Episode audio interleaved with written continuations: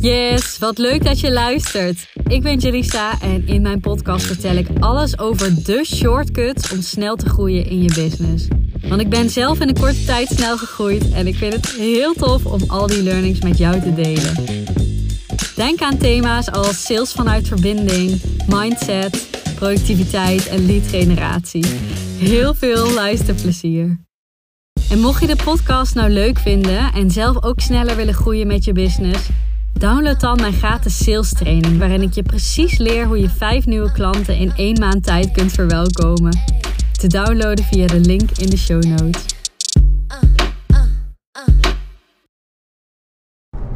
The right timing. Wat is dat nou? Dit is echt zo'n onderwerp waar ik het uren met je over kan hebben. En het is heel interessant, vind ik zelf. Ik uh, kijk er ook naar mezelf, bij mezelf heel erg naar. Wat is nou de right timing voor een bepaalde keuze of investering? Ik kijk daar met mijn klanten naar.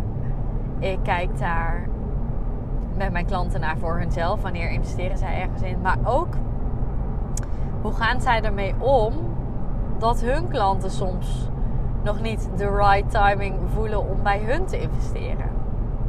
Bij hen. Dus ik vind het echt een super interessant onderwerp. En um, nou ja, om eventjes naar überhaupt investeren te gaan. Um, als je overweegt om te investeren, als je iets gezien hebt dat je interessant vindt, wat jou misschien wel kan helpen, wat jouw aandacht trekt, nou, noem maar op.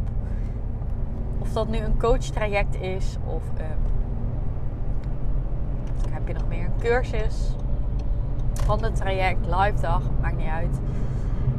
Um, nu zal bij een live dag wat minder voorkomen. Maar ons brein is er mega goed in om bezwaren op te werpen. En het is niet de juiste tijd, of het komt niet helemaal goed uit, of ik heb het druk. Dat is echt een heerlijk bezwaar voor jouw brein om, uh, om erin te gooien. Want ja, wat kun je daar nou tegen zeggen? Hè? Dat is een beetje, ja, ja, wie kan dat nou beoordelen voor jou? Of het de right timing is. En ik wil je natuurlijk ook die vrijheid geven om uh, daarop terug te vallen. Om te zeggen, hè, het komt niet goed uit, het is nog niet helemaal, ik heb nog eerst dit. Of als mijn kinderen op school zitten dan. Of als ik dit coachtraject afgerond heb dan. Of als ik die cursus heb staan dan. Of als ik uh, vakantie, uh, geen vakantie meer heb dan. Ik heb nog vakantie op de planning. Noem maar op. Het kan van alles zijn. En dat mag. Het mag allemaal. Ik ga je vandaag even meenemen in het stukje vanuit mijn bril als gedragswetenschapper. En dat ben ik al aan het doen hè, met wat ik dit zeg. Uh, maar ook de high performance bril. Mijn stukje als gedragswetenschapper. Dit is dus iets wat gebeurt. Jouw brein gaat bezwaren Waarom? Omdat die investering spannend is. En omdat verandering spannend is. Nou, eerste. Waarom is de investering spannend? Omdat wij bang zijn dat we, ja, verliezen is echt de grootste angst van mensen op elk vlak. Hè? Dus iets verliezen, iemand verliezen, dierbaren verliezen. En waarom is dat? Nou, angst voor verandering. Ga ik weer even terug naar de evolu evolutietijd. Alles wat bekend is, is veilig. Daarvan weet ons brein in ieder geval: oké, dit kennen we, dit is veilig. Ook al is dat soms een super ongemakkelijke uh, situatie.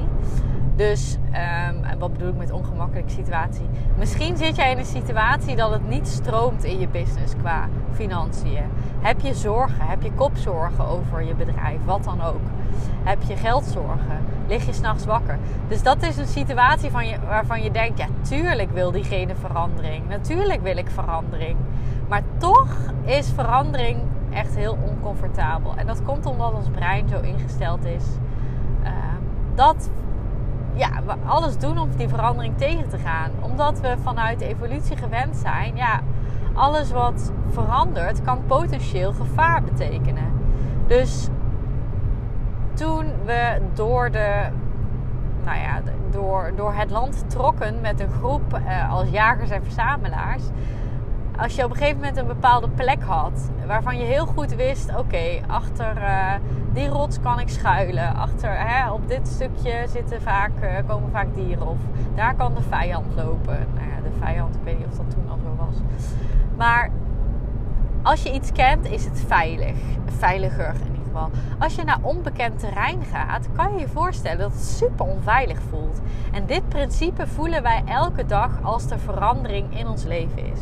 Of het nu verandering is in een relatie tussen jou en je partner, omdat je ineens wat liever naar elkaar gaat zijn en wat minder uh, gaat, uh, gaat mopperen. Nou, super oncomfortabel. Je zou zeggen, ja tuurlijk, ik wil liever zijn. Maar het kan super oncomfortabel zijn om dat te gaan doen. Uh, maar ook in je bedrijf, verandering door te investeren. Wat gaat er dan veranderen in mijn bedrijf? Moet ik dan ineens andere positioneren? Moet ik dan ineens zichtbaar zijn? Dit systeem van die veranderende omgeving, dat dat helemaal oncomfortabel, dus potentieel gevaar oproept, dat is echt, dat voelt heel heftig.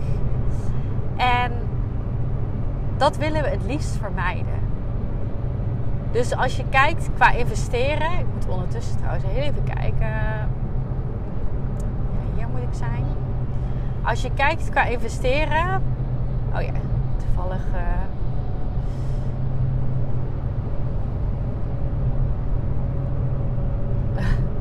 ik moet heel even op stop zetten hoor.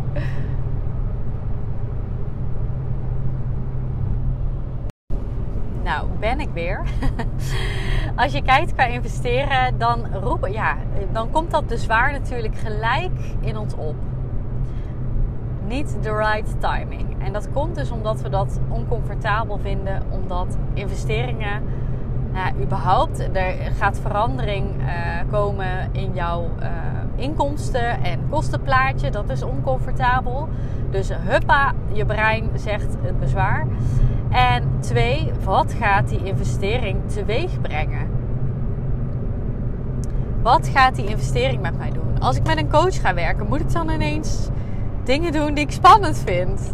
Of als ik een cursus over e-mail funnels ga doen, moet ik daar ineens veel tijd in gaan besteden?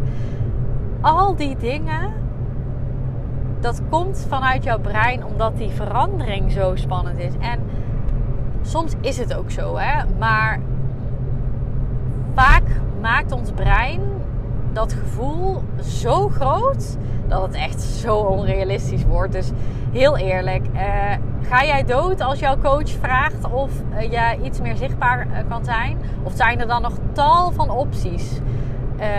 bijvoorbeeld de optie dat het veel makkelijker is dan je dacht. Bijvoorbeeld de optie dat je zegt van hé, hey, dit past niet helemaal bij me, ik ga dit toch niet doen. bijvoorbeeld de optie, wil je me helpen met hoe? Dat je gewoon een vraag stelt. En er zijn allerlei oplossingen te bedenken. En toch is ons brein zo, reageert zo heftig alsof we nog in die tijd van die jagers en verzamelaars leven. Weten dat dit zo werkt, maakt al dat je anders naar keuzes kan kijken. Kun je zeggen: Oh, hoi, hè, dankjewel brein voor deze, dit bezwaar. Ik neem hem mee. Hè. Ik zou hem zeker serieus nemen, niet per se wegduwen. En uh, hè, je, hoort, je hoort hem wel even. Maar ga vervolgens ook kijken hoe realistisch is dit nou en wat kan er nou gebeuren. En vooral, ja, als ik dus niet ga veranderen en dus doe wat mijn brein het liefste heeft, waar sta ik dan over een jaar? Dan sta ik nog steeds hier te kutten op dit niveau. En uh, zijn die inkomsten nog niet waar ik het wil hebben? Nou ja, uh, wat nog meer? Heb ik nog steeds die kopzorgen als ik s'avonds naar bed ga over uh, heb ik wel leuke klanten? Uh, zijn mijn klanten niet aan het zeuren? Heb ik wel genoeg inkomsten? Noem maar op. Dus ja, jij mag daar gerust naar luisteren. Hè? Dat zei ik in het begin ook al. Naar dat bezwaar van dit is niet de juiste timing. Dat mag. Maar ga het even iets verder onderzoeken dan wat je nu doet. 9 van de 10 keer is dat gevoel dat je voelt van oh yes, dit is echt, dit is zo nice. Hier moet ik in investeren. Ik word hier gewoon blij van. Volgens mij gaat dit me veel brengen. Dat is heel vaak gewoon een gevoel wat je mag volgen. Tenzij je echt voelt, hè, eh, dat, dat vind ik wel altijd een grens. Je wilt niet in de financiële problemen komen. Maar dat is vaak iets anders dan kijken van kan ik die investering maken en kan ik het er ook. Nou, er voegt hier heel heftig een auto in, die echt een beetje aan het duwen is. Um, kan ik die investering er misschien wel gewoon uithalen um, als ik me commit. Het gaat vaak over vertrouwen in jezelf hebben. Hè?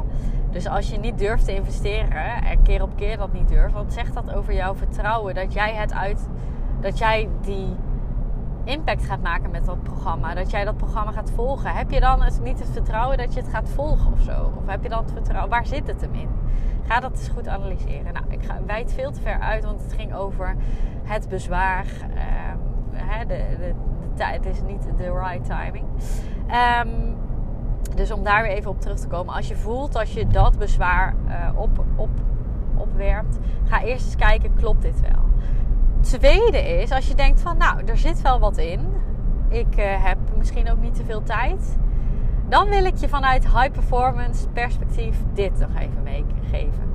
Ik heb klanten die investeren. Moet ik hier naar rechts, Janice? Volgens mij nog niet. Die investeren in mij terwijl het echt niet de meest rustige periode van hun leven is. Misschien wel de meest heftige periode van hun leven. En waarom zou je dan in godsnaam investeren, denk je dan? Nou, dit zijn echt, dit gaat mega resultaat voor hun opleveren. Waarom? Omdat wanneer zij resultaat kunnen boeken in een drukke periode, in een periode dat ze vakantie hebben, in een periode dat ze met, noem maar op, zwangerschapsverlof gaan, in een periode dat ze 80 andere dingen hebben lopen waar ze ook hun aandacht voor willen hebben. Op het moment dat het je dan lukt om op hoog niveau te presteren, om te high performen, om met mij te werken en te kijken naar wat doet er echt toe, hoe kan ik mijn tijd zo goed mogelijk managen, zodat ik en lekker in mijn vel zit privé, er voor mijn gezin kan zijn, je partner, wat dan ook. En mijn business mega laten groeien met alles wat er speelt. Als je dat kan, jongens, ja, bedenk eens even wat dat gaat, wat voor gevoel dat geven, geeft. Dan voel je, oké, ik heb in een drukke periode dit heb ik gedaan. Dit lukt mij in een drukke periode. Hoe easy gaat het dan zijn in een rustige periode? Snap je wat ik bedoel? Dus dat wil ik je echt meegeven. Dat wil ik dat je goed in je oren knoopt. En ik wil niet zeggen dat dit de waarheid is, maar ga het in ieder geval vanuit dat perspectief kijk, uh, bekijken. Wat het ook is waar je in wil investeren, wat het ook is waar je over twijfelt. Of dat nu een uh, intensive traject bij mij is, of dat nu een, um, een, een cursus is die je wil kopen ik zou wel adviseren, dat is dan wel nog handig, om iets te kiezen waarbij in ieder geval expertise is op het stuk uh, high performance. Um, en ik ben specifiek een high performance coach, dus zou je kunnen zeggen, ja, uh, dat snap ik. Je wil natuurlijk je eigen traject kopen. Maar een stukje accountability is wel wenselijk. Want jij kunt je ook voorstellen dat als je een drukke periode hebt en denkt, oh ja, ik ga in die cursus investeren en hem vervolgens niet opent, dat dan dat effect nog steeds niet gelukt is. Dat je helemaal voelt van, ah, ik kan alles aan. Nee, want dan heb je het niet gedaan. Dus ga in ieder geval kijken, hè, waar kun je dan aan denken? Of uh, coaching of een traject, een ander soort traject waarbij je een stukje contact voelt, accountability. In ieder geval dat jij voelt van, hey, door deze elementen ga ik dit doen. Ga ik ervoor zorgen dat ik het doe dan ga jij die succeservaring voelen en dan gaat dit effect like a magic zijn. Dus even samenvattend, wat heb ik besproken vandaag met je? Nou, één, waarom komt dat bezwaar in je op? Wat, hoe, hoe zit dat in ons brein? En wat kun je daarmee? Hoe kun je het iets verder onderzoeken dan gelijk ernaar luisteren? En je mag er gelijk naar luisteren, maar daarmee kies je er dus voor om te blijven in de situatie waarin je nu zit. Dat mag je ook voelen die verantwoordelijkheid mag je dan pakken. Ik kies ervoor om te blijven waar ik nu zit, want ik kies niet voor verandering.